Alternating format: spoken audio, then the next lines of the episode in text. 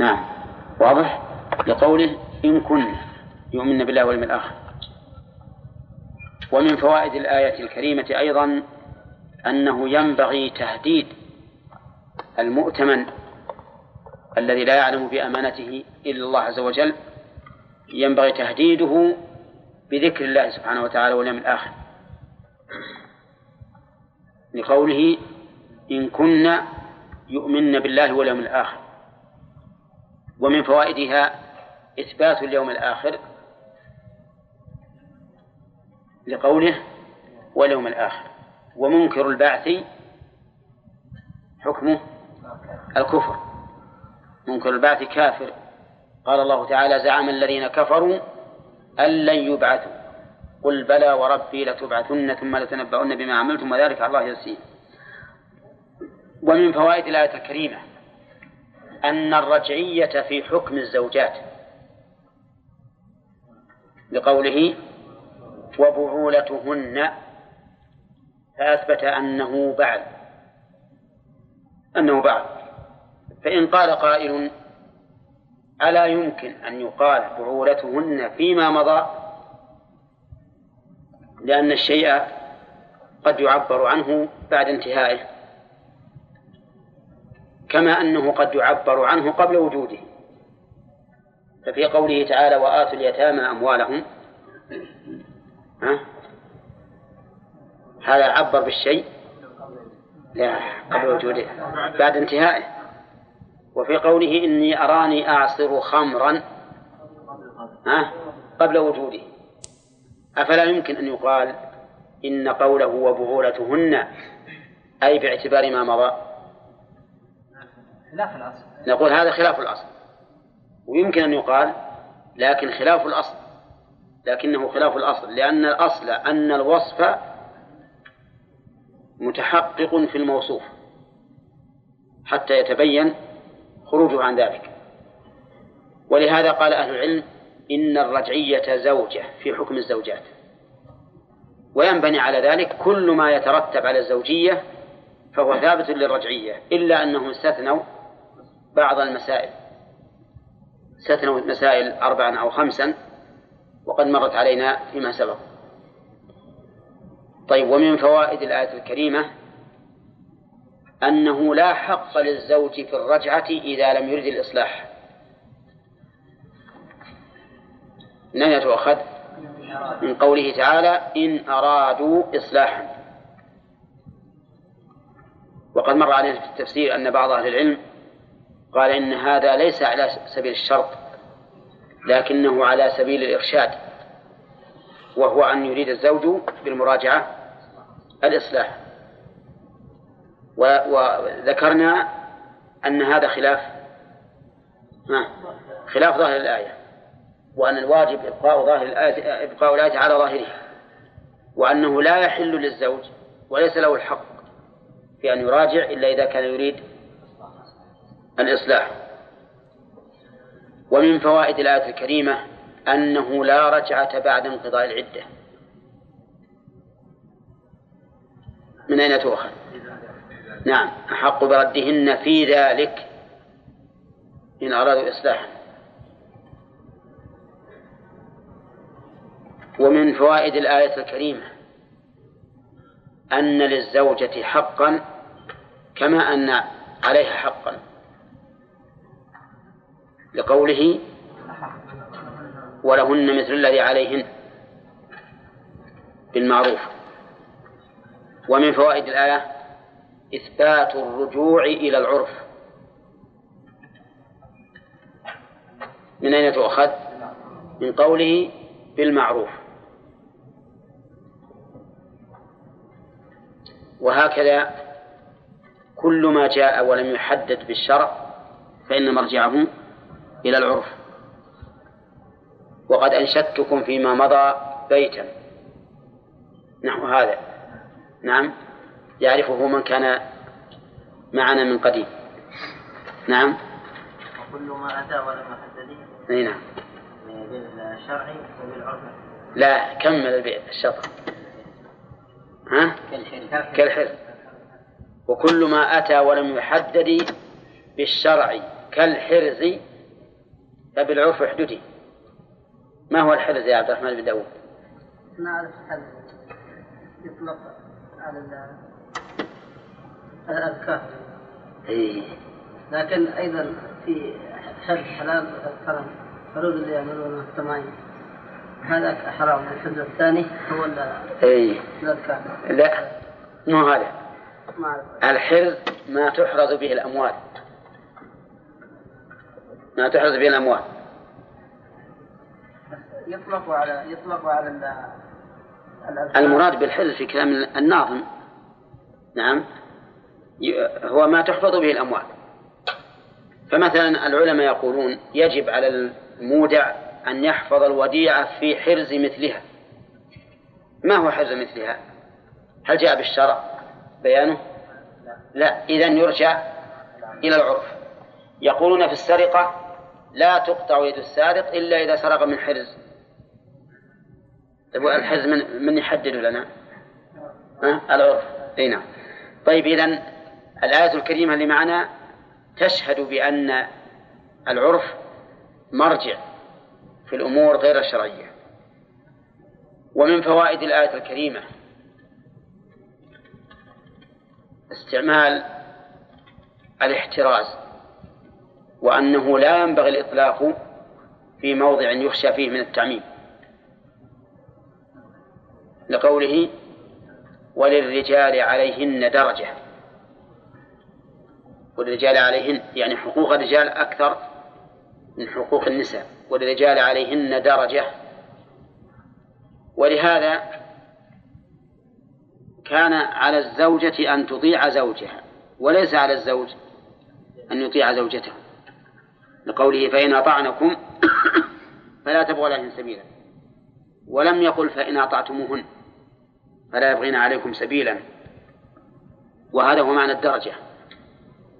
وقد مر علينا في التفسير أن درجة الرجال على النساء من وجوه متعددة. نحتاج أن نعدها هنا ولا معروفة عندكم؟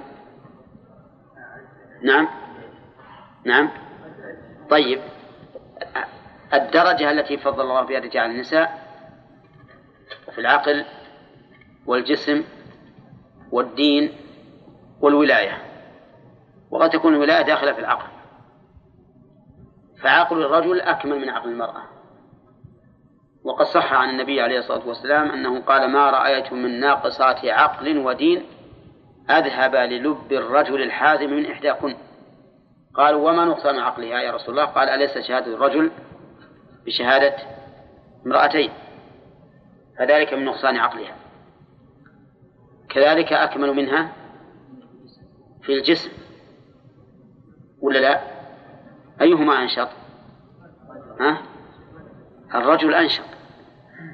أحيانا قد تكون المرأة أنشط. نعم. يقال إن امرأة أكرهت على أن تتزوج برجل. فتزوجته. وكانت أنشط منه. فلما جاء إلى الفراش سدحته في الفراش وطوت الفراش عليه وطلعته. برا نعم. لكن هذه صورة هذه صورة نادرة. ما ما في ما في ما, ما فيها عبرة. إنما جنس الرجال لا شك أنهم أقوى من جنس النساء في الأبدان. طيب قلنا في في الدين. لأن الرسول صلى الله عليه وسلم قال في المرأة إنها ناقصة الدين وفسر ذلك بأنها إذا حاضت لم تصلي ولم تصم. ولهذا يجب على الرجل من الواجبات الدينية ما لا يجب على المرأة كالجهاد مثلا. طيب والرابع في الولاية. فإن الله تعالى جعل الرجل قواما على المرأة. الرجال قوامون على النساء بما فضل الله بعضهم على بعض. ولهذا لا يحل أن تتولى المرأة ولاية عامة أبدا. لا وزارة ولا غير وزارة. الولاية العامة ليست من حقوق النساء أبدا. ولا يفلح قوم ولوا أمرهم امرأة. والصحيح أن الحديث عام. وليس خاصا بالفرس الذين ولوا أمرهم تلك المرأة. إذن الرجل له درجة على المرأة. في في كل المجالات لكن هذه المجالات التي تحضرنا الآن هي هذه الأربعة. وهي؟ أي نعم. بالإنفاق؟ نعم. نعم هي على كل حال إن شئنا دخلناها في الولاية وإن شئنا قلنا أنها منفصلة لأنه يجب عليها أن ينفق ولا يجب عليها أن تنفق عليه إلا على رأي ابن حزم رحمه الله. فإن ابن حزم يقول إذا كان الزوج فقيرا والمرأة غنية وجب عليها أن تنفق عليه. واستدل بعموم قوله تعالى وعلى الوارث مثل ذلك وقال إن الزوجة ترث زوجها فإذا كان فقيرا فإنه وهي غنية تلزم بالإنفاق عليه وبعض العلماء يقول تطالبه بالنفقة فإن لم ينفق ولو كان فقيرا فلها فسخ النكاح. فرق بين القولين. هذا يقول تبقى نعم وتنفق. والآخر والآخرون يقولون ها تطالب وتفسخ النكاح. وتقول في أمن الله مت من الجوع ولا لك زوجة. نعم. طيب آه، المسألة تأتينا إن شاء الله تعالى في محلها. مسألة التعصيب نعم. لأن المرأة قد تكون عاصبة كالمعتقة مثلا. هنا طيب وفيها وللرجال عليهن درجة. يستفاد من الآية الكريمة أن الذين لهم درجة هم الرجال. الذين هم جديرون بهذا الوصف. وأما من جعل نفسه بمنزلة النسوة فهذا يكون شرا من المرأة. لأنه انتكس من الكمال إلى الدون. من الكمال إلى الدون. ومن ثم لعن الرسول صلى الله عليه وسلم المتشبهين من الرجال بالنساء والمتشبهات من النساء بالرجال حتى لا يعتدي أحد على حق أحد أو على اختصاصات أحد. ومن فوائد الآية الكريمة إثبات هذين الاسمين من أسماء الله وهما العزيز والحكيم. وما تضمنه من صفة وهي العزة والحكمة على أن الحكيم تتضمن إيش؟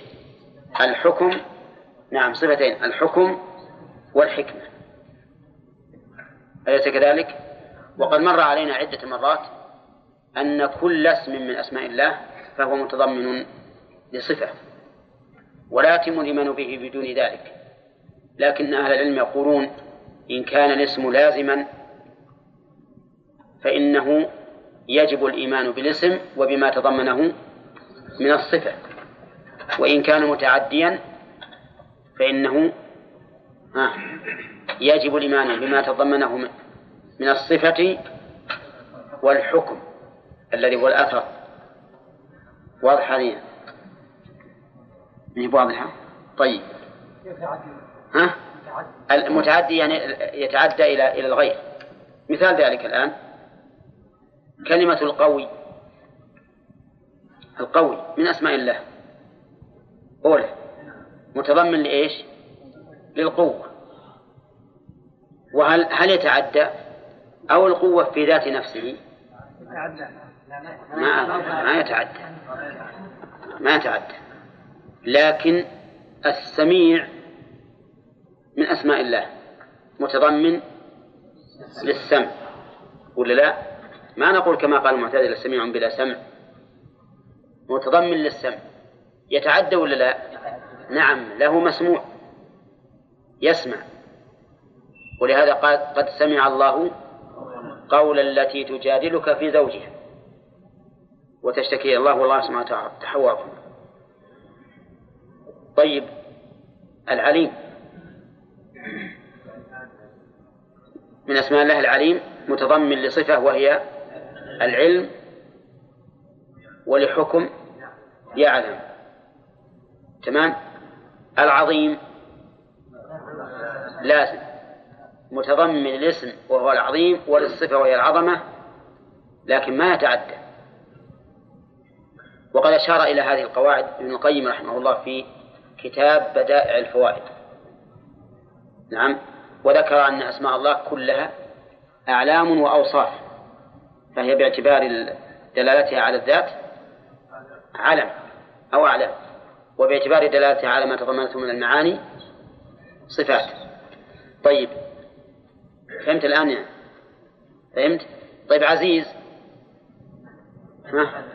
غير متعدي إلا إذا قلنا من معانيها أنه غالب من معانيها أنه غالب فهناك مغلوب فيكون متعديا. وحكيم ها؟ نعم في محكوم عليه. نعم لأنه متضمن للحكم والحكمة. وذكرنا نعيد ما قلناه في هذا وإن كان تكرار كثير ما هو طيب لكن في ناس يمكن ما فهموا. الحكيم مأخوذ منين؟ من الحكم والحكمة. من حكم وأحكم. والحكم ذكرنا أنه نوعان كوني وشرعي. فما تعلق بأفعال المكلفين أمرا ونهيا ها؟ فهو شرعي.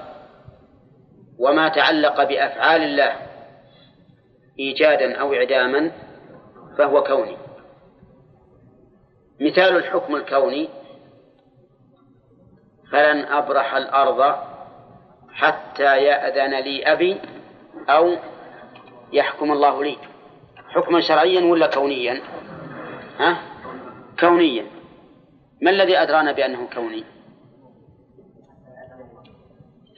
حتى يأذن لي أبي. لأن حكم الله الشرعي ثابت. لم يحرم الله عليه الرجوع إلى أرضه. أولى فهو شرعا مأذون له محكوم له بذلك. له. أن يرجع إلى أهله. لكن يحكم الله لي حكما كونيا. ولما ذكر الله عز وجل ما ذكر في معاملة النساء المهاجرات في سورة الممتحنة قال ذلكم حكم الله يحكم بينكم. المراد الشرعي.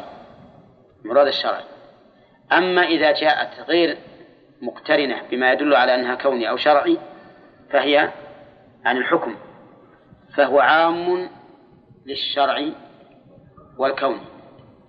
كما قال تعالى ألا له الحكم وهو أسرع الحاسبين. وكما قال تعالى ومن أحسن من الله حكما لقوم يوقنون.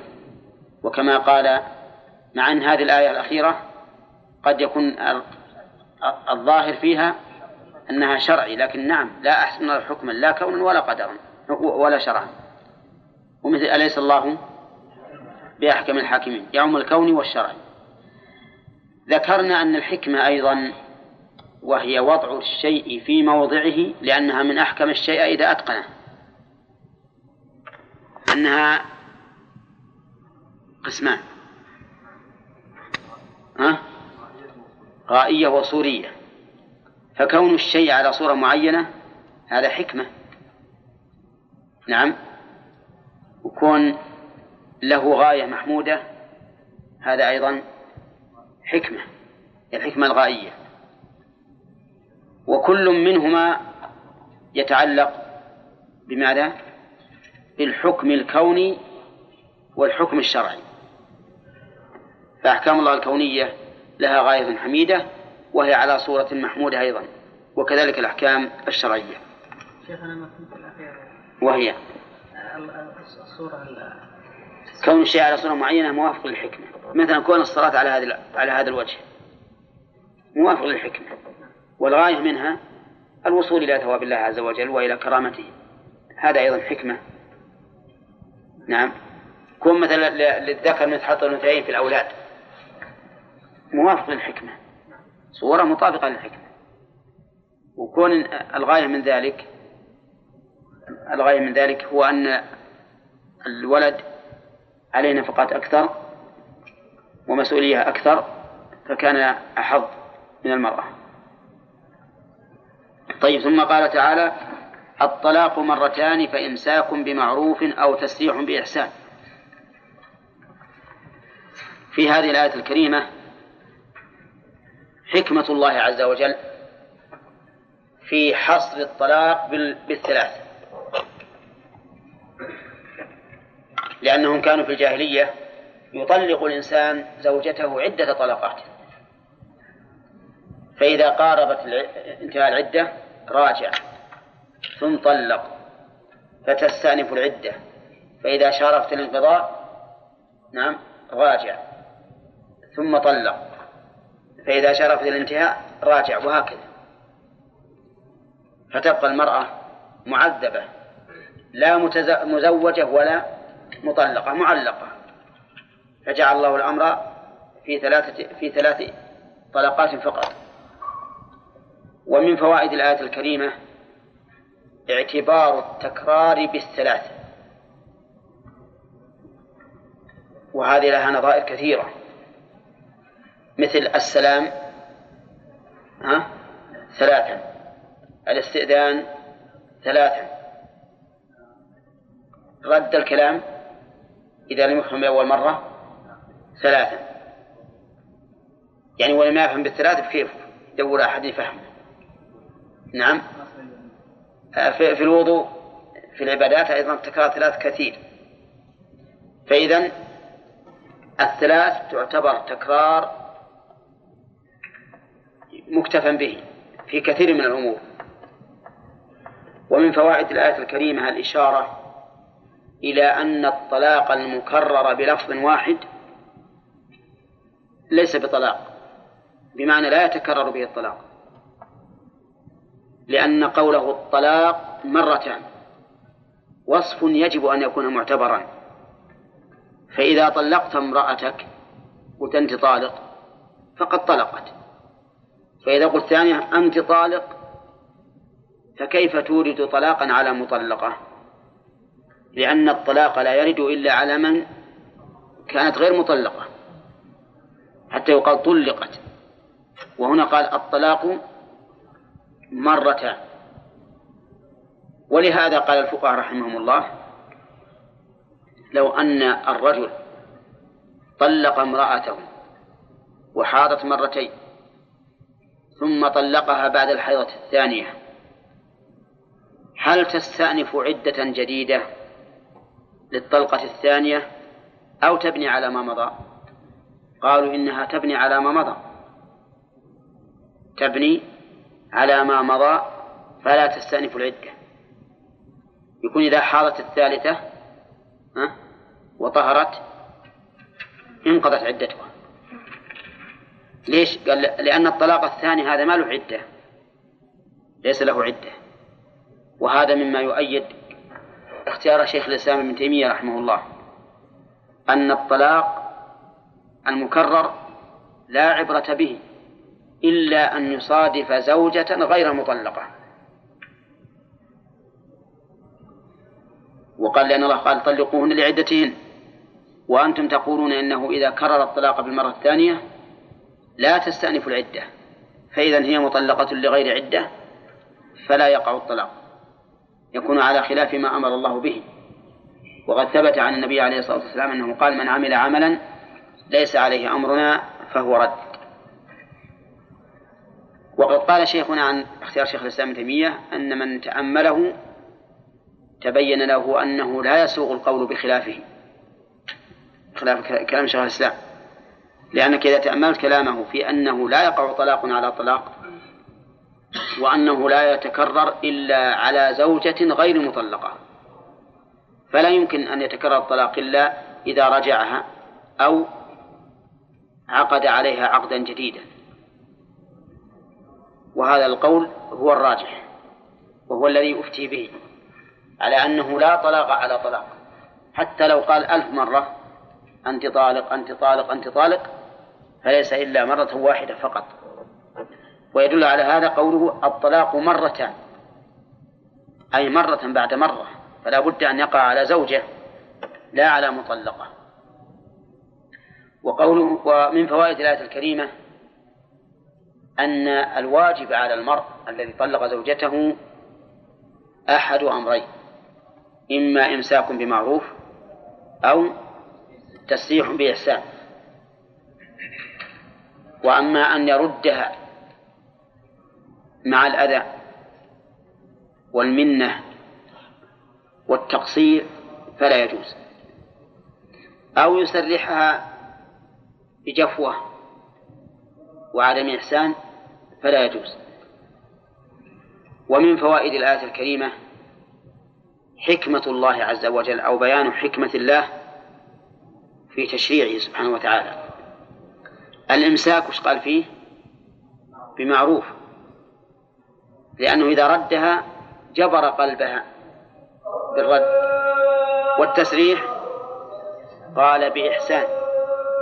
حتى ينضم إلى الفراق إيش؟ الإحسان. نعم. والله أعلم.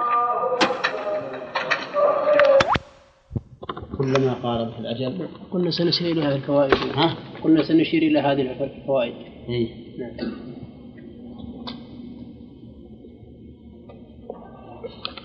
نعم. رحمة الله سبحانه وتعالى بالنساء حيث كانوا في الجاهلية يطلق الرجل امرأته ثم يراجع ثم يطلق ثم يراجع إلى ما لا نهاية له. فيبقيها لا مطلقة ولا مزوجة.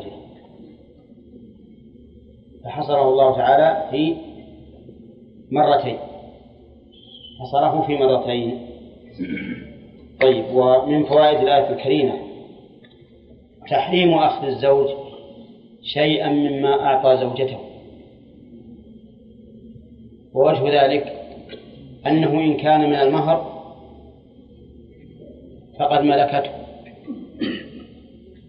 إما نصفه بالعقد إن طلق قبل الدخول وإما كله كله إن حصل ما يقرره. وإن كان من غير المهر فإنه رجوع في الهبة والرجوع في الهبة محرم إلا الوالد فيما يعطي ولده. واضح؟ لو واحد ممكن يطلع الجزاء هذول.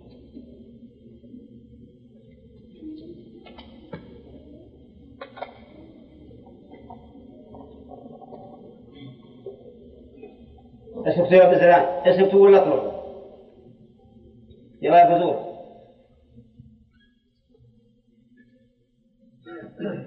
حركهم خل كل واحد الحال.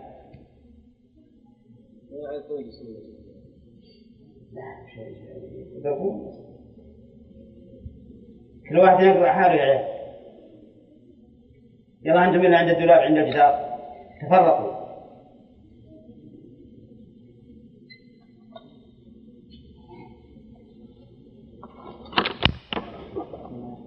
من قوله ولا يحل لكم أن تأخذوا مما آتيتموهن شيئا إلى آخره. طيب. ومن فوائد الآية جواز افتداء المرأة نفسها من زوجها بعوض. لقوله فإن خفتم ألا يقيم حدود الله فلا جناح عليهما فيما افتدت به. ومن فوائدها أن الخلع لا يجوز إلا حيث خيف ألا تقام حدود الله. لقوله فإن خفتم ألا يقيم حدود الله فلا جناح عليهما فيما افتدت به. ظاهر؟ نعم. وقد يقال إن المراد بالآية بيان ما يمكن بيان ما تكون فيه الحاجة إلى الخلع وليس ذلك بشرط. بيان ما تكون فيه الحاجة إلى الخلع وهو أنه لا يحتاج إليه إلا إذا خيف ألا يقيم حدود الله. لكن قوله فلا جناح عليهما فيما افتدت به يمنع هذا القيل ويدل على أنه لا يجوز إلا حيث خيف ألا تقام حدود الله. ويؤيد ذلك الحديث الوارد عن رسول الله صلى الله عليه وسلم أنه قال من سأل زوجها الطلاق من غير ما بأس فحرام عليها رائحة الجنة ومن فوائد الآية الكريمة أهمية النكاح وبيان أنه راجع إلى الأسرة كلها من أين يؤخذ؟ من قوله فإن خفتم ألا يقيم حدود الله. ولم يقل فإن خاف ألا يقيم حدود الله. وكذلك يؤيد هذا القياس الثاني وهي إلا أن يخاف ألا يقيم حدود الله. ومن فوائد الآية الكريمة أن للوسائل أحكام المقاصد.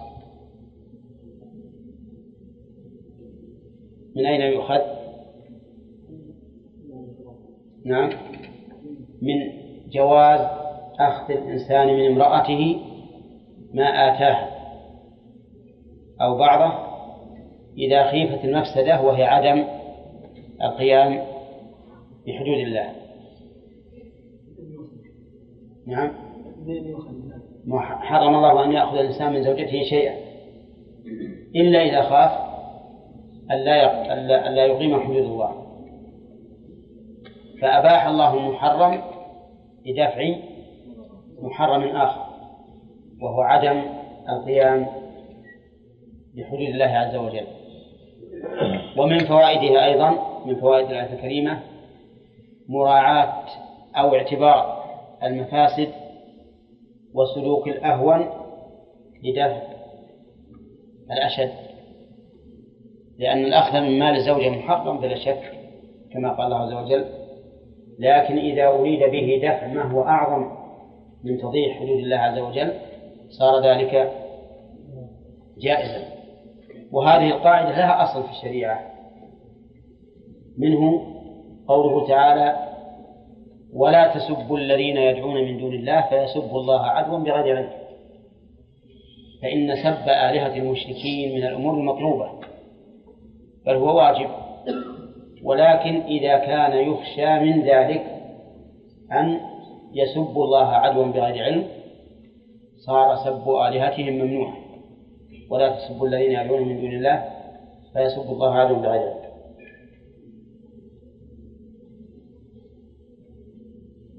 ومن فوائد الآية الكريمة جواز الخلع بأكثر مما أعطاها. على أحد القولين في المسألة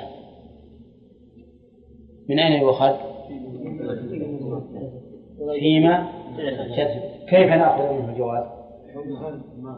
لأن ما من صيغ العموم فتشمل ما افتدت به من قليل أو كثير ومن فوائد الآية الكريمة أنه لا رجوع للزوج في الخلع بمعنى أنه فراق بائن ليس فيه رجعة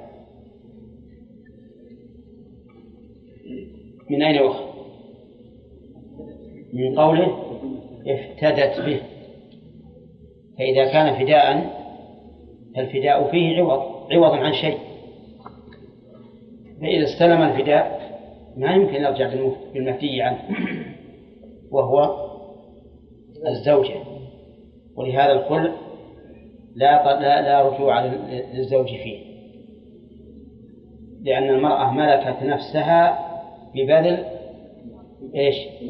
الفداء ببذل الفداء ومن فوائد الآية الكريمة جواز تصرف المرأة في مالها بغير إذن زوجها من أين يؤخذ؟ من قوله فيما افتدت به ولم يقل بإذنه ولم يقل بإذنه وهو كذلك. فإن المرأة في زوجها حرة تتصرف فإن المرأة في مالها أو بالأصح فإن الزوجة في مالها حرة تتصرف فيه كما تشاء سواء وافق الزوج على هذا التصرف أم لم يوافق. ما دامت امرأة حرة رشيدة فلا اعتراض للزوج عليها. ومن فوائد الآية الكريمة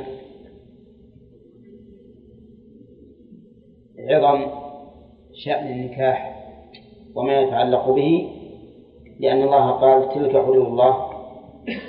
نعم. فلا تعتدوها. فبين أن هذا من حدود الله ونهى عن اعتدائها. وقد مر علينا قاعدة فيما إذا قال الله عز وجل تلك حدود الله فلا تقربوها أو فلا تعتدوها وبينا الفرق بينهم. وأنه إذا كانت هذه الحدود من المحارم قال فلا تقربوها. وإذا كانت من الواجبات قال فلا تعتدوها. ومن فوائد الآية الكريمة أن لله عز وجل أن يشرع لعباده ما شاء. لقوله تلك حدود الله. ومنها أو هي تتبرع على هذه أنه لا حاكم للخلق ولا مشرع إلا الله لقوله تلك حدود الله فلا تعتدوها. ولو كان هناك مشرع غيره لكان يمكن لكل مشرع أن يتبع ولو كان في ذلك تعدي حدود الله سبحانه وتعالى.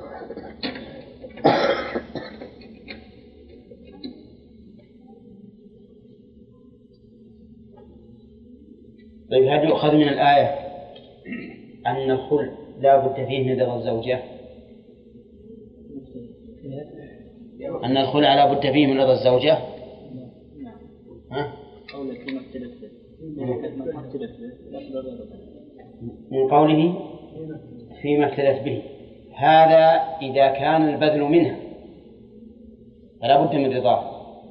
وأما إذا كان البذل من غيرها فإنه لا يشترط رضاه. كما لو أن أحد من الناس رأى أن هذه المرأة بقاء أن بقاء هذه المرأة مع زوجها فيه ضرر عليه في دينه. نعم. فذهب إليه وأعطاه فدية ليطلق هذه المرأة. ويسلم من شرها. فهذا جائز ولا لا؟ جائز. حتى وإن لم ترضى بذلك. نعم. وقد ذكرنا في الفقه أن الخلع قد إذا بذله غير الزوجة فقد يكون لمصلحة نفسه أي الدافع أو مصلحة الزوج أو مصلحة المرأة أو مصلحتهما جميعا. نعم. أو الاعتداء على الزوج أو على الزوجة أو عليهما جميعا. كم هذه؟ سبعة أقسام. نعم. وبينا حكم كل واحد منها. طيب ثم وفي يستفاد من الآية الكريمة تحريم تعدي حدود الله. تحريم تعدي حدود الله. من أين يؤخذ؟ من قول ومن يتعدى حدود الله فأولئك هم الظالمون. طيب ومن فوائد الآية الكريمة أن التعدي لحدود الله ظلم عظيم. ويؤخذ من حصر الظلم في هؤلاء المتعدين ومن الإتيان به بالجملة إيش؟ الإسمية الخبرية. فأولئك هم الظالمون. ثم قال الله تعالى فإن طلقتها فإن طلقتها فإن طلقها فلا تحل له من بعد حتى تنكح زوجا غيره. يستفاد من هذه الآية الكريمة جواز الطلاق الثلاث المتفرق. لقوله فإن طلقها. فهنا لا شك أن الطلاق متفرق لأنه قال الطلاق مرتان ثم أدخل الفداء بينهما وبين الطلقة الثالثة فدل هذا على أنه طلاق إيش؟ متفرق. وهذا جائز بالإجماع. طلاق متفرق يعني بأن يطلقها مرة ثم يراجع ومرة ثم يراجع ومرة والمرة الثالثة أو يطلق مرة ثم يتزوجها بعقد جديد إذا بانت منه بتمام العدة أو أو بالفداء. وثم الثانية ثم الثالثة. أما إذا جمع الطلاق الثلاثة جميعا بدفعة واحدة. فقد اختلف أهل العلم في هذا. هل يجوز إرسال الطلاق الثلاث جملة أو لا يجوز؟ فمنهم من قال بإباحته وأنه جائز ولكنه نافذ. ومنهم من قال بتحريمه مع نفوذه. ومنهم من قال بتحريمه مع عدم نفوذه لكنه يكون واحدة. لكنه يكون واحدة. ومنهم من قال بأنه لا يقع لا واحدة ولا غيرها. فإذا الأقوال أربعة في الطلاق المجموع. والصحيح أنه حرام وأنه لا يقع إلا واحدة. هذا هو الصحيح الذي اختاره شيخ الإسلام ابن تيمية وعليه تدل وعليه يدل الكتاب والسنة. لأن الله لم يذكر البينونة إلا فيما إذا طلقها بعد بعد طلاق مرتين. والطلاق مرتين ذكرنا فيما سبق أنه لا يكون إلا ما إذا كان بينهما رجعة أو عقد. أما أن يرسل طلاقا بعد طلاق فهذا ما ليس بشيء. ما في مناقشة حتى نكمل إن شاء الله. طيب ويستفاد من الآية الكريمة تحريم المطلقة ثلاثا على مطلقها حتى تتزوج. لقوله فلا تحل له من بعد حتى تنكح زوجا غيره. ومن فوائد الآية الكريمة أن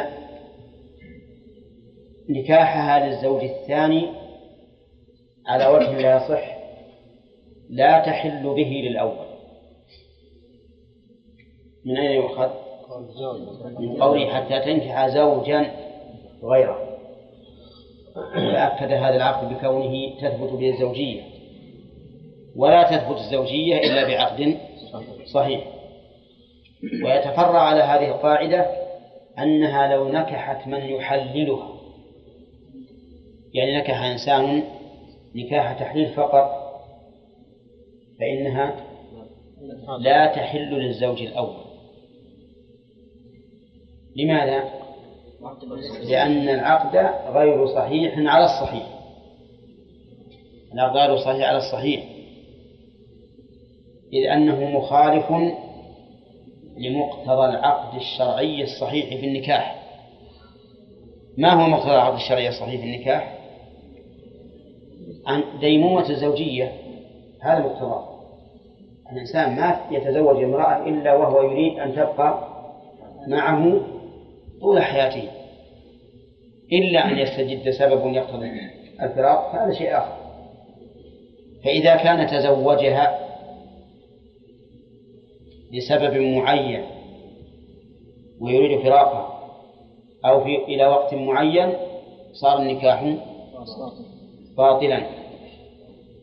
نعم أو أو فاسدا بعبارة أصح. صار النكاح فاسدا.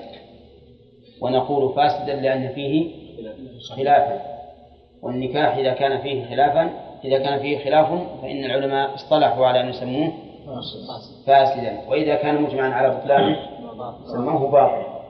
طيب إذا نقول القول الراجح. نقول يستفاد من هذه الآية أن نكاح المحلل لا يحل لا يحلها للزوج الأول.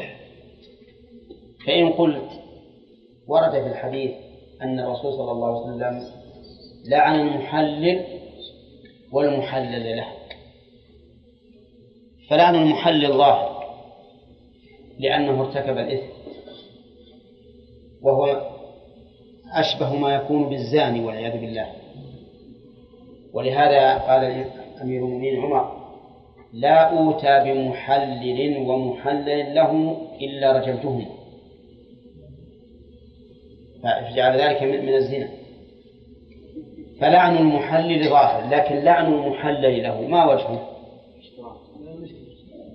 هذا إذا كان عالما إذا كان عالما بأن النكاح الثاني تحليل ثم تزوجها بعده فقد ارتكب الإثم.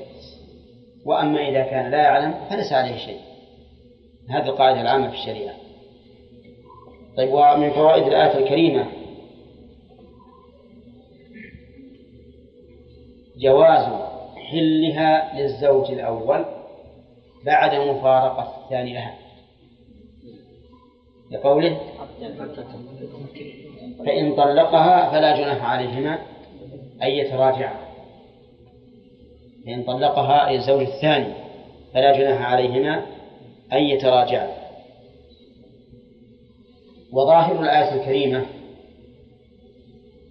أنها تحل للأول بمجرد العقد للثاني وإن لم يطعها. لقوله لا يطعها الانتشار أما لو كان معه مثل الخرقة ودخلته بإصبعها فإن ذلك لا يحلها للزوج الأول. ما الدليل؟ زوجة رفاعة حديث زوجة رفاعة. أنه طلقها ثلاثا. فتزوجها بعده عبد الرحمن ابن الزبير. فجاءت إلى الرسول صلى الله عليه وسلم تشتكي إليه. وأخبرته بأن رفاعة طلقها وبت طلاقها وتزوج بعدها عبد الرحمن بن الزبير وقالت إنما معه مثل هدبة الثوب. وحرك الثوب. ها؟ فقال الرسول عليه الصلاة والسلام تريدين أن ترجع إلى رفاعة؟ لا حتى تذوقي عسيلته ويذوق عسيلتك. نعم. الناس الجدد الآن أخذوا من هذا من هذا الحديث ما يسمى بشهر العسل. نعم. وقالوا هذا أنتم تقولون شهر العسل ما ليش تكلمون في شهر العسل؟ هذا الحديث. نعم. ولا أصل من السنة. له أصل من السنة. أي نعم. آه المهم آه أننا نقول إن السنة دلت على ذلك. أنه لا بد من جماع بانتشار. أفلا يقول قائل إن نحمل الآية على قول حتى تنكح أي تطأ زوجا غيره. ونجعل العقد ونجعل العقد مفهوما من قوله زوجا لأنها لا تكون حلالا إلا بزوجية. ها؟ الجواب لا. لأنه قال حتى تنكح وهو ما يقال نكح. هي منكوحة ولا ناكحة؟ منكوحة وإن كان يطلق أحيانا يقال نكحت فلانا على سبيل التجوز والتوسع. وعلى كل حال فإننا نقول إن السنة بينت ما في القرآن. ويستفاد من الآية الكريمة. أنها لو وطئت بملك اليمين فإنها لا تحل للزوج الأول من أين يؤخذ؟ حتى تنكح زوجا غيره فلو كانت امرأة مملوكة لشخص وقد زوجها شخص آخر فطلقها الزوج الآخر ثلاث تطليقات ثم انتهت عدتها وجامعها سيدها بحكم ملك اليمين ثم جاء زوجها الأول يريد أن يتزوجها. يمكن ولا لا؟ لا يمكن. لأن الله قال حتى تنكح زوجا غيره. نعم. ومن فوائد الآية الكريمة إطلاق المراجعة على عقد النكاح. لقوله حتى لا. فلا جناح عليهما أن يتراجعا. والمعروف عند الفقهاء أن الرجعة إعادة مطلقة غير بائن إلى عصمة زوجها. هذه الرجعة عندهم. لكن هذا اصطلاح خاص. أما في القرآن فكما رأيتم تطلق المراجعة على عقد النكاح. لقوله فلا جناح عليهما أن يتراجعا هذا وقد قسم بعض أهل العلم المراجعة شرعا إلى ثلاثة أقسام. فقال قد يراد بها العقد كما هنا. وقد يراد بها إعادة المطلقة الرجعية إلى عصمة زوجها. كما في اصطلاح الفقهاء. وقد يراد بالمراجعة أن تعاد المرأة إلى إلى العقد إلى إلى عصمة زوجها بدون طلاق. بدون طلاق.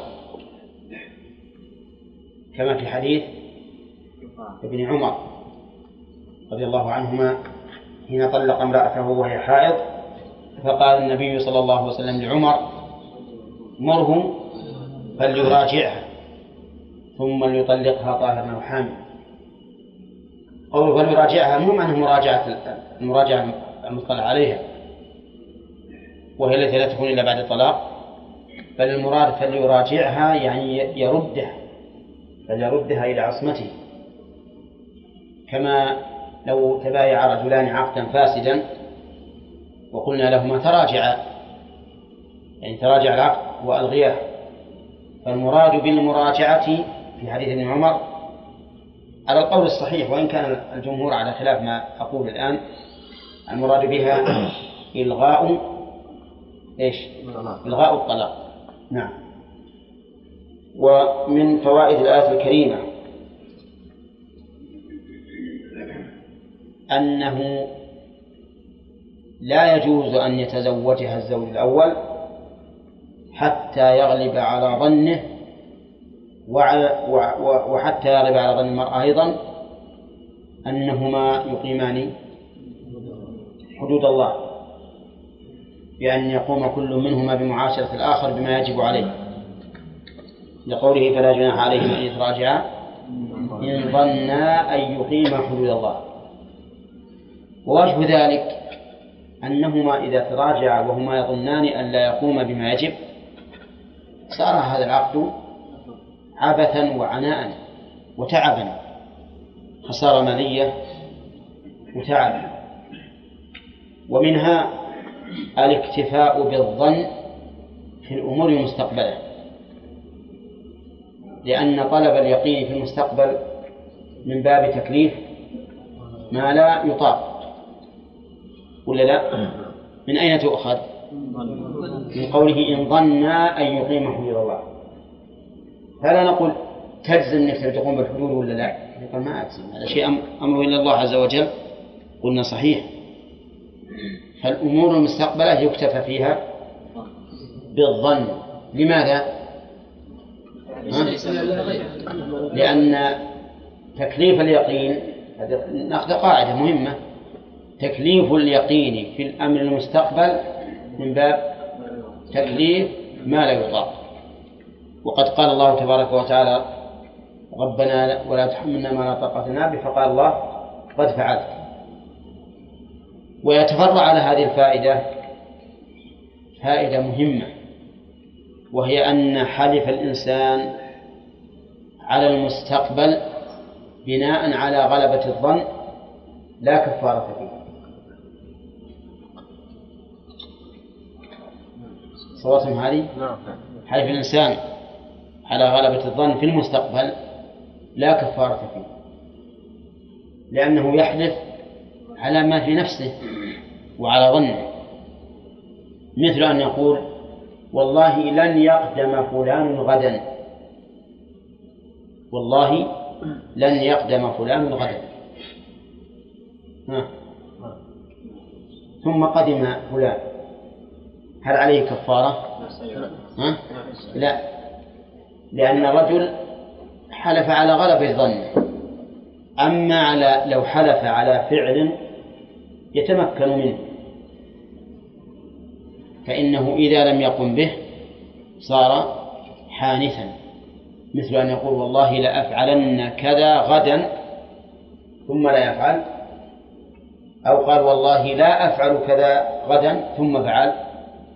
فإنه يجب عليه إيش؟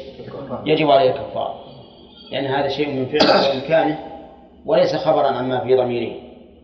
وهذا القول أعني أن الإنسان إذا حلف على أمر مستقبل بناء على ظنه ثم تبين بخلافه فلا كفارة عليه هذا القول هو الراجح. وهو اختيار شيخ الإسلام ابن تيمية. أما المذهب رحمه فأصحاب الإمام أحمد رحمه رحمه الله فيقولون إذا حلف على ظنه في ماض فتبين بخلافه فلا كفارة عليه. وإن حلف على ظنه في المستقبل فصار فصار أمر بخلافه فعليه الكفارة. والصحيح أنه لا فرق بين المسألتين. نعم. ويستفاد من الآية الكريمة عناية الله سبحانه وتعالى بعباده في إقامة ما يجب عليه. لأنه كما تشاهدون في عدة جمل بين سبحانه وتعالى لنا مراعاة الحدود وأنه يترتب عليها أمور مهمة جدا. هل يستفاد من هذه الآية الكريمة أنه إذا كان إذا لزم من فعل المباح شيء محرم صار ذلك الشيء المباح حراما؟ ها؟ نعم لأن الرجوع إلى الزوجة أو النكاح عليها حلال في الأصل فإذا لم يظن الإنسان أنه سيقوم بالحدود صار صار حرام وهو في الأصل حلال وعلى هذا فنقول إذا تضمن العقد إبطالا لواجب أو وقوعا في محرم. صار ذلك حراما. وهو في مسائل كثيرة في الواقع. منها لو لو تبايع الرجلان تلزمهما صلاة الجمعة بعد النداء الثاني صار العقد حراما. مش بعد؟ وباطلا غير صحيح لأنه يعني وقوع فيما حرم الله. ومن فوائد الآية الكريمة أن الله عز وجل بين لنا حدوده. لقوله وتلك حدود الله يبينها يبينها. ومن فوائدها أنه لا يعرف هذه الحدود ويتبينها إلا من كان من ذوي العلم. فكلما كان الإنسان أعلم كانت الحدود في حقه إيش؟ أبين وأظهر. لاحظوا أن طالب العلم إذا علم حكم مسألة قد ينبني على علمه بهذه المسألة علمه بعدة مسائل. إما بالقياس أو بشمول اللفظ لمسائل أخرى. فالعلم سبحان الله العظيم يغذي بعضه بعضا. وطالب العلم رابح بكل حال. ليس كطالب المال قد يشتري السلعة وهو يظن الربح ثم تخسر فطالب العلم أي مسألة يدركها فإنها مفتاح له. ولهذا قال يبينها لقوم يعلمون أي لذوي العلم. فكلما كان الإنسان أعلم كان بيان كان تبين حدود الله له أظهر وأبين. ولهذا قد يبينها لقوم يعلمون. ومن فوائد الآية الكريمة أنه لا شيء يجهل حكمه لا من العبادات ولا من المعاملات. كل شيء مبين. نعم. فإن قلت هناك أشياء تشكل على أهل العلم ولا يعرفون حكمها فما الجواب؟ الجواب أن أن الخلل هنا ليس في في النص ولكنه في من يستنبط أحكام النص. فهو يكون ناقصا في في علمه علمه قليل. ونقص العلم قد يشكل عليه ما لا يعلم. قطعا سيشكل عليه ما لا يعلم. ولهذا الآن أنتم إذا قرأتم كتابا من أوله فإنكم لا تعلمون آخره. متى تعلمون آخره؟ إذا وصلتم إليه. هذا نقص في العلم. وقد يكون الخلل في قصور فهم الإنسان. قصور فهمه إنه عنده علم لكنه قليل الفهم. ولهذا قال الرسول صلى الله صلى الله عليه صلى الله عليه وسلم رب مبلغ أوعى من سامع. وقد يكون الخلل في إعراض الإنسان عن التدبر يقصد في الاجتهاد وطلب الحق. يطالع كم من كتاب ثم يمل ويتعب ويقول خلاص بلا بلا أنا تعب أقلد الإمام أحمد أقلد الشافعي أقلد ابن تيمية أقلد فلان وفلان. وشقلت آثر نفسي؟ تعب بدني وملان غبار الكتب. نعم. وعيوني دنرت. نعم. وما أشبه ذلك. فيقصر في تدبر القرآن النصوص. فيحصل نقص العلم وقد يكون الإنسان عنده علم وفهم وجلد وتدبر لكن هناك ذنوب تحول بينه وبين إلى الحق. كما في قوله تعالى إذا تتلى عليه آياتنا قال أساطير الأولين كلا؟ بل ران على قلوبهم ما كانوا يكسبون. الذي جعلهم يقولون عن كلام الله إنه أساطير الأولين ولا يفهمونه هو ما ران على قلوبهم من المعاصي. لأن المعاصي تظلم القلب نسأل الله أن يتوب علينا وعليكم. تظلم القلب. وإذا أظلم القلب كيف يستنير؟ وكيف يتبين له الحق؟ وهو مظلم. نعم. ولهذا لما قال الله لنبيه إنا أنزلنا إليك الكتاب بالحق لتحكم بين الناس بما أراك الله ولا تكن الخائنين خصيما. قال واستغفر الله إن الله كان غفورا رحيما. أخذ بعض أهل العلم من هذه الآية أنه ينبغي لمن سئل عن علم أن يستغفر الله عز وجل. حتى تزول عنه الذنوب باستغفاره ويتبين له الحق. وعلى هذا فنقول إن جميع الأحكام التي تتعلق بالعبادات أو المعاملات فإن الله بينها. ما في شيء مشكل لكن الجهل بها ليس عيب النصوص ولكنه عيب المستدل. فالأدلة وافية كافية لكن المستدل قد تخفى عليه الأحكام للأسباب الآتية الأسباب التي ذكرناها وغيرها. المهم أن أن أن كل ما يحتاج الناس إليه فقد بينه الله. وبهذا ويتفرع على هذه الفائدة فائدة أخرى وهي غلط. من قالوا إن النصوص لم تستوعب جميع الأحكام وأننا محتاجون إلى العقول في, الأحكام. ولا لا؟ لأن الله قال تلك حدود الله يبينها لقوم يعلمون. فالنصوص كافية من كل ناحية. وهل يستفاد من الآية الكريمة؟ أن كل ما خالف شريعة الله فليس من أحكام الله؟ نعم. يقول تلك حدود الله يبينها فكل ما خالف ما بينه ما بين الله لنا فهو ليس من حدوده. وبهذا يقول تشريعات أولئك الكافرون أولئك الكافرين بحدود الله.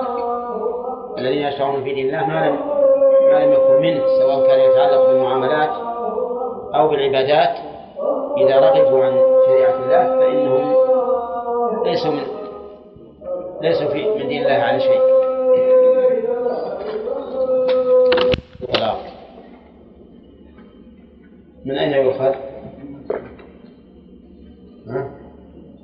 لأنه ذكر الخلع بعد الطلقتين.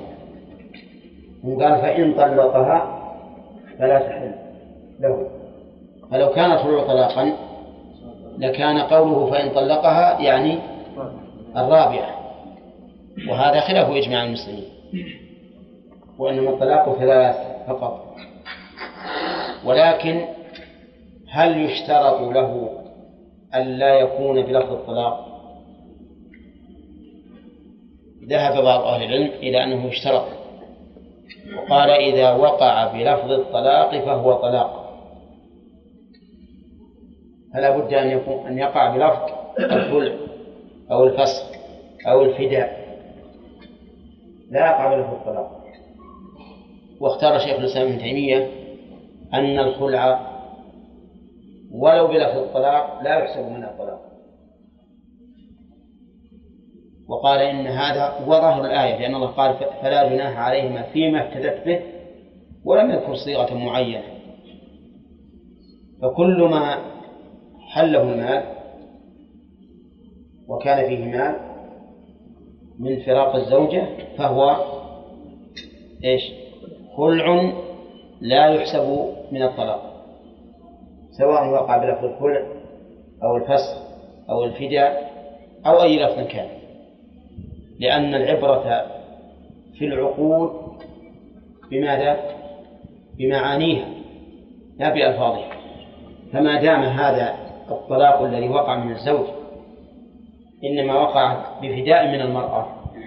افتدت نفسها به فهذا لا يمكن أن نجعل نحسبه من الطلاق. ولو وقع له الطلاق. وما اختاره رحمه الله فإنه منظور فيه إلى المعنى.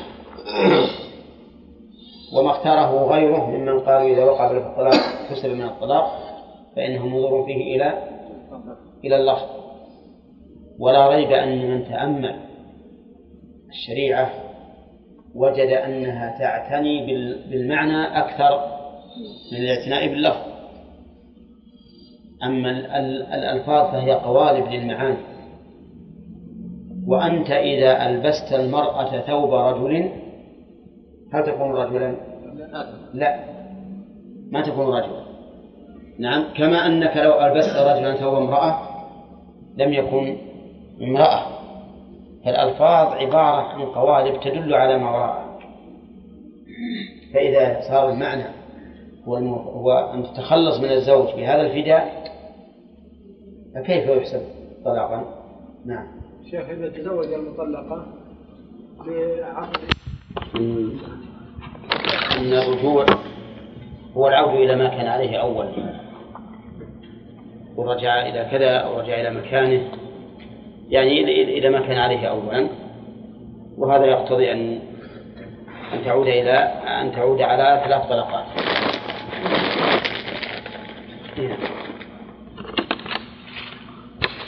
قال الله عز وجل وإذا طلقتم النساء فبلغن أجلهن فأمسكوهن بمعروف أو سرحوهن بمعروف. قوله وإذا طلقتم الخطاب هنا لعامة الناس. يعني إذا طلق الواحد منكم النساء يعني الأزواج. ولهذا لم يضف الله عز وجل إلى أحد بل قال النساء أتى بأل الدالة على العموم. كما في قوله الرجال قوامون على النساء. فالمعنى إذا طلق أحد منكم امرأته فبلغن أجلهن فأمسكوهن بمعروف. قال بعض العلماء فبلغن أجلهن أي قاربن البلوغ لأنها إذا بلغت الأجل انتهت العدة ولا إمساك حينئذ. ولكن الصحيح أن المراد بالبلوغ هنا, بالبلوغ هنا حقيقة البلوغ. وذلك لأن الأصل أن يحمل الكلام على ظاهره وحقيقته حتى يوجد دليل على أنه لا يراد به ذلك. وهذه قاعدة عامة في كل نصوص الكتاب والسنة. بل حتى في كلام الناس بعضهم مع بعض في العقود والمعاملات وغيرها يحمل الكلام على إيش؟ على ظاهره. وعلى حقيقته حتى يوجد دليل يصفه عن ذلك. وعلى هذا فيكون معنى بلغنا أجلهن أي انتهت عدتهن. وذلك لأن للرجل أن يراجع زوجته بعد انتهاء بعد الحيضة الثالثة ما لم تغتسل كما جاء ذلك عن الصحابة رضي الله عنهم. فالمرأة إذا حاضت ثلاث مرات من من الطلاق بلغت الأجل. لكن له أن يراجعها ما دامت لم تغتسل. وعلى هذا فيكون المراد بالآية ظاهرها. المراد بالآية ظاهرها. أي بلا أي أتممن العدة فأمسكوهن. ولكن قوله فأمسكوهن يدل على على الترتيب والتعقيب. وأنه لا يتأخر. وإن كان بعض العلماء قال ظاهر ما ورد عن الصحابة أنها لو فرطت في الغسل سنوات متعددة فله أن يراجع ما دامت لم تغتسل. لكن هذا فيه نظر. ولكن له أن يراجعها ما لم تغتسل إذا لم تدع الغسل الواجب. فأما إذا مرت عليها صلاة ولم تغتسل ترجو أن يراجعها زوجها فإنها تمنع من ذلك. ما يكون عن يعني فأمسكوهن دليل على أنهم معنا بلغنا قاربنا. لا. لأن كيف يمسكها وبعد أن أي نعم له, له أن يراجعها ما تغسل هكذا ورد عن الصحابة. وإن كان العدة تنتهي بانقضاء الحيض ولهذا لو مات أو ماتت في بعد انقضاء الحيض الثالثة ما ترث ولا يرث لكن قد يحتاج يسافر شو لا؟ قد يحتاج يسافر سؤال. إذا كانت كتابية. نعم. لا تغتسل إذا كانت كتابية لا تغتسل ولا نقول. الظاهر أن الكتابية التي لا تغتسل أنها ينتهي بانقضاء الحيض. نعم. قد يكون أهلها ليسوا موجودين في البلد الذي هو فيه. فإذا انقضت العدة يحتاج أن يسافر بها وهي ليست محرما له لكن إذا قارنت أقرب لها لا لا لا. ما دام ورد عن الصحابة رضي الله عنهم أن الإنسان له أن يراجع ما دامت لم تغتسل ولو مع تمام العدة فهذا يعتبر تفسيرا من الصحابة رضي الله عنهم للآية الكريمة. لكن ما يفرق بين إذا كان أهلها في بلد لا لا يفرق لأن الحق له لا لا ما يسافر خليها تبقى ويطلب من أهلها أن يحضروا ويسافروا بها. ما هو محرم. نعم. ما هو محرم. نعم إذا إذا إذا انتهت العدة ولا راجع واغتسلت فهو ما يجوز أن تبقى في بيته. إلا إذا كان معه إلا إلا إذا كان ليس هناك خلوة مثل إذا كان في البيت أحد فلا مانع. طيب إذا نقول هذه الآية فيها قولان لأهل العلم. أحدهما أن المعنى فبالغن أجلهن أي قاربن البلوغ. وقد مر علينا أن التعبير بالفعل قد يعب قد يراد به ما قاربه ولكن القول الراجح أن الآية على ظاهرها بدليل ما ورد عن الصحابة رضي الله عنهم. قوله فأمسكوهن بمعروف أو سرحوهن. أمسكوهن أي ردوهن إلى عصمتكم وهو المراجعة. أو سرحوهن أي دعوهن. والتسريح بمعنى الإطلاق يعني اتركوهن يكن أحرارا أو حرائر بالنسبة لأنفسهن. وهنا قال أمسكوهن بمعروف أو سرحوا أو سرحوهن بمعروف. وهنا قال وهناك قال الطلاق مرتان فإمساك بمعروف أو أو تسريح بإحسان. وهنا قال سرحوهن بمعروف. فما هو الفرق؟ قد يقال إن هذا هو الواجب والتسريح بالإحسان على سبيل الندب والأفضلية لأن الإحسان ليس بواجب بل مندوب إليه. ويأتي إن شاء الله أيضا التعرض لهذا في الفوائد. قال ف... ولا تمسكوهن ضرارا لتعتدوا. لا ناهية والفعل بعدها مجزوم بحذف النون وضرارا مفعول لأجله. وقد قال ابن مالك في المفعول لأجله. نعم. يقول؟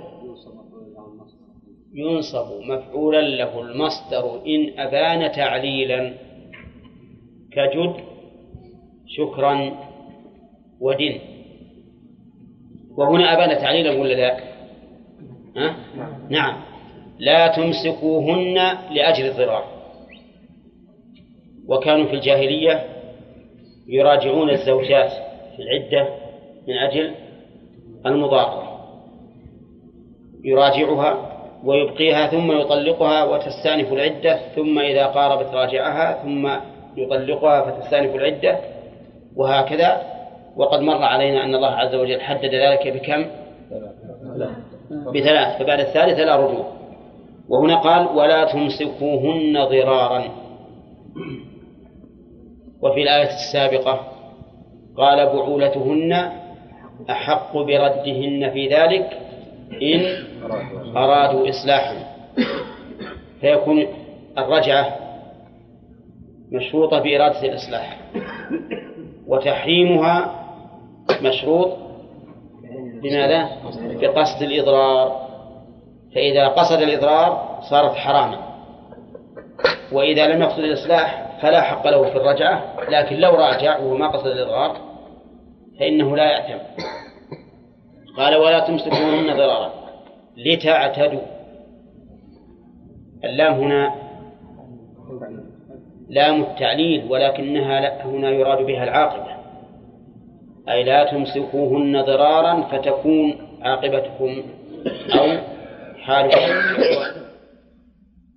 واللام التي تعرف عند بعض النحويين بلام كي تارة يراد بها التعليل وتارة تكون زائدة وتارة تكون للعاقبة. فتكون للتعليل كما في قولك حضرت لأقرأ. وفي وكما في قوله تعالى لا. وكما في قوله تعالى ليكفروا بما آتيناهم وليتمتعوا. وتكون زائدة كما في قوله تعالى يريد الله ليبين لكم. إذا أراد إذا جاءت بعد الإرادة فهي زائدة. لأن الإرادة هي التعليم. يريد الله ليبين لكم. أي يريد الله أن يبين لكم وتأتي للعاقبة وهي إذا علم بأن بأنها بأنها غير بأن ما بعدها غير مقصود. لكن صارت العاقبة كذلك. مثل قوله تعالى فالتقطه آل فرعون ليكون لهم عدوا وحزنا. هل آل فرعون التقطوه لهذا الغرض؟ أبدا. ولو أنهم ظنوا ذلك لقتلوه. لكن العاقبة أنها صارت أنه صار عدوا وحزنا. هذه الآية على أي الأحوال الثلاث تنطبق؟ نعم. على العاقبة. وقد يرى وقد يقال إن من أراد الإضرار فقد أراد العدوان. فكأنه قال لا تمسكون ضرارا وعدوانا. لأن قصد الإضرار بلا شك عدوان. قال ومن يفعل ذلك فقد ظلم نفسه. من يفعل هذه جملة شرطية وجوابها فقد ظلم نفسه. ولماذا ارتبط الجواب بالفاء؟ ها؟ لأنه لا يصح أن يحل محل الشرط. وقد قال ابن مالك واقرن بفاء حتما جوابا لو جعل شرطا لإن أو غيرها لم ينجعل. فكل ما لا يصح أن يقع شرطا فإنه يجب إذا وقع جوابا أن يقترن بالفاء. وقد نظمها بعض الناس تقريبا لطالب العلم. في قوله عبد الرحمن بن داود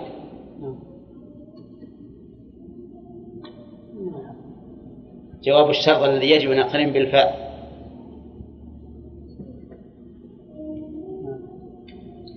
غانم. نعم. ما هو؟ هو دائما تكرر علينا ما هو مشكل اسمية طلبية وبجامد وبما وقد ولن وبالتنفيس وبلن. وبلن وبالتنفيس اسمية طلبية وبجامد وبما وقد وبلن وبالتنفيذ. في هذه الآية أي الأحوال السبعة؟ قوله وبقد. نعم. عرفتم؟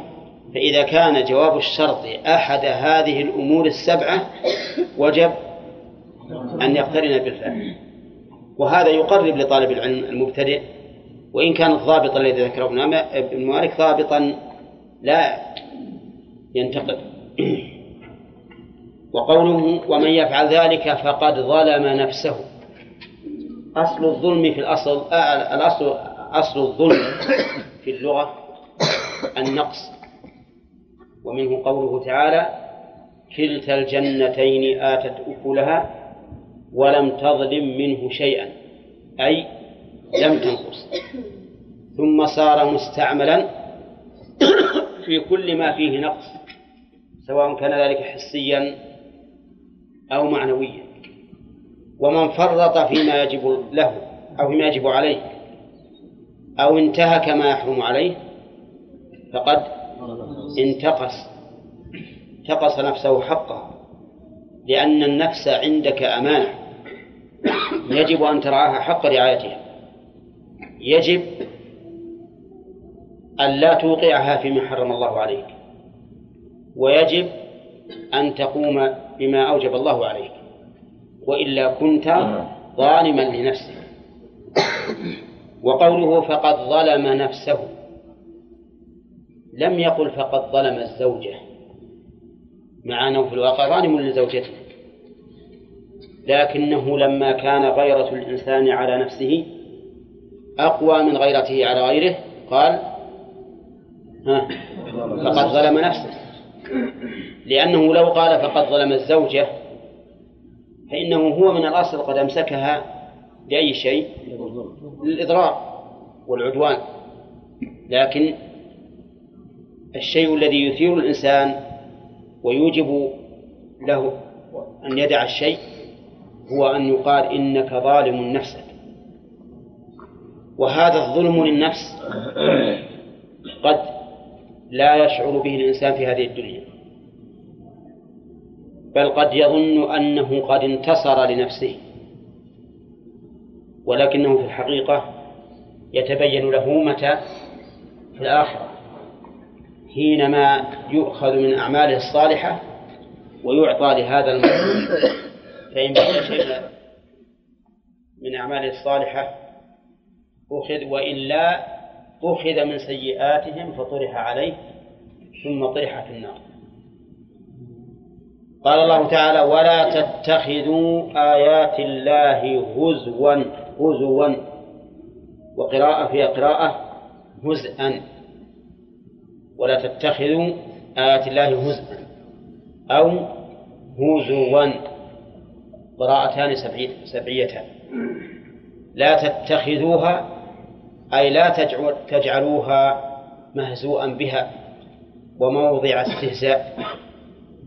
وآيات الله عز وجل جمع آية وهي العلامة. العلامة على الشيء لكنها لا تكون آية إلا إذا كانت برهانا موجبا فإنها تكون آية.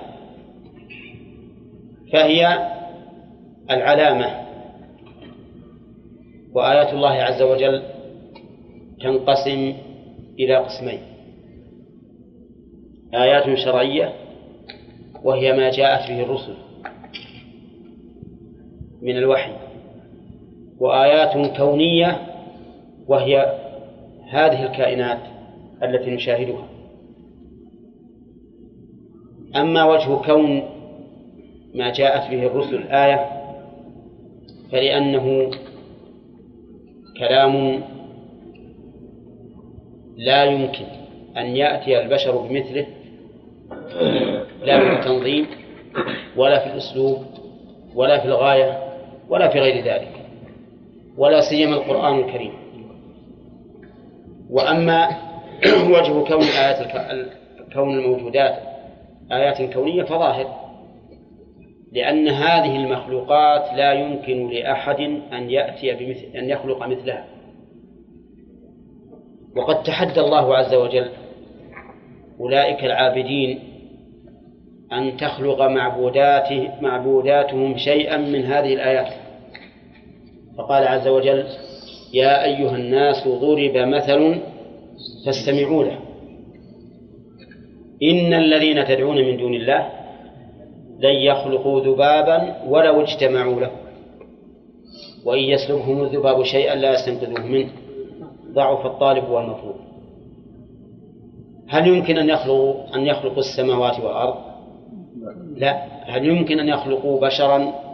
لا هل يمكن أن يخلقوا بعيرا؟ لا فهذه المخلوقات في انتظامها وحسنها كلها آيات تدل على أن الله تعالى هو الخالق وعلى وحدانيته سبحانه وتعالى وفي كل شيء له آية تدل على أنه واحد اتخاذ آيات الله الشرعية هزءا ظاهر بأن يهزأ الإنسان ويسخر من شرع الله عز وجل سواء سخر بالشرع كله أو سخر بجزء منه.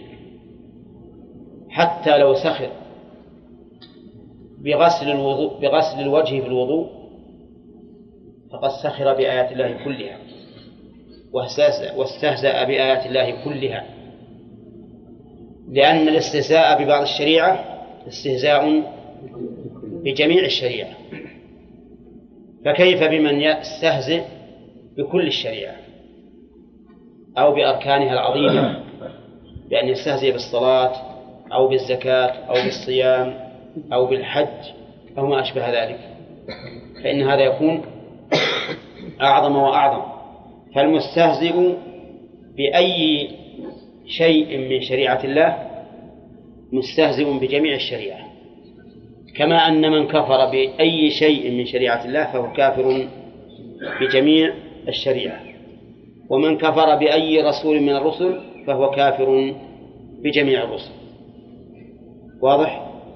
طيب إذا كان هذا الإنسان ما يتخذ آية الله هزء ولكنه لا يعمل بها هل يكون كالمستهزئ؟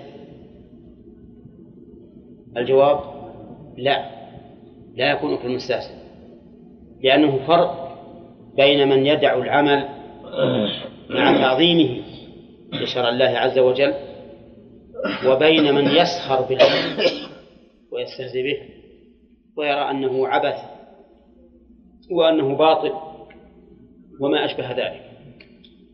فالأول له حكم العصاة إن كانت معصيته تبلغ به الكفر فهو كافر وإلا فهو فاسق وإلا فهو دون الفاسق كما لو كانت من صغائر الذنوب ولم يصر عليها.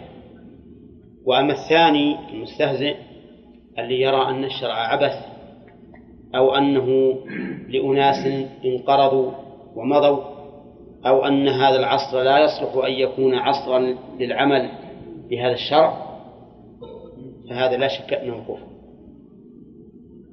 طيب إذا استهزأ الإنسان بغير الشريعة ولكن بحامل الشريعة فهل يكون كافرا؟ نعم بحامل الشريعة هل يكون كافرا؟ إيه لا لازم في تفصيل الكفر ما هو هين الكفر ليس بهين حتى كل شيء كافر كافر كافر. إذا استهزأ بحامل الشريعة من أجل حمله الشريعة فهو كافر. كما لو استهزأ برجل قد أعفى لحيته وقصده الاستهزاء بإعفاء اللحية سواء كان على هذا الرجل أو على أو على رجل آخر. هذا كافر. لأنه استأذى بشريعة من شرائع من شرائع الله. ولهذا قال الله عز وجل في أولئك النفر الذين قالوا ما رأينا مثل قرائنا هؤلاء. يعنون الرسول صلى الله عليه وسلم وأصحابه ما رأينا مثل قراء قرائنا هؤلاء أرغب بطونا ولا أكذب ألسنا ولا أجبن عند اللقاء. يعنون رسول الله صلى الله عليه وسلم أنزل الله فيهم ولئن سألتهم ليقولن إنما كنا نخوض ونلعب. قل أب الله وآياته ورسوله كنتم تستهزئون. لا تعتذروا قد كفرتم بعد إيمان. طيب والذي يقول عن حملة الشرع والعاملين به هؤلاء دراويش ما يعرفون ولا يعرفون المجتمع ولا الدنيا وما أشبه ذلك من الكلمات هؤلاء أيضا كفار. لأن الله يقول إن الذين أجرموا كانوا من الذين آمنوا يضحكون وإذا مروا بهم يتغامزون. شوف شوف المسكين هالدرويش نعم. يتغامزون فيما بينهم. وإذا رأوهم قالوا إن هؤلاء لضالون. وفي العصر أبدلنا ضالون برجعيون. إذا رأوهم قالوا هؤلاء رجعيون وإذا انقلبوا إلى أهلهم انقلبوا فكهين متنعمين يعني يرون أنهم حصلوا على شيء كثير أن استهزأوا بهؤلاء الدراويش على زعمهم. قال الله تعالى فاليوم الذين آمنوا من الكفار يضحكون. فدل هذا على أن أولئك الذين يسخرون بالمؤمنين كفار. فأما لو سخر بحامل الشرع غير الرسول عليه الصلاة والسلام من أجل لباسه أو من أجل مشيته أو من أجل هيئته فهذا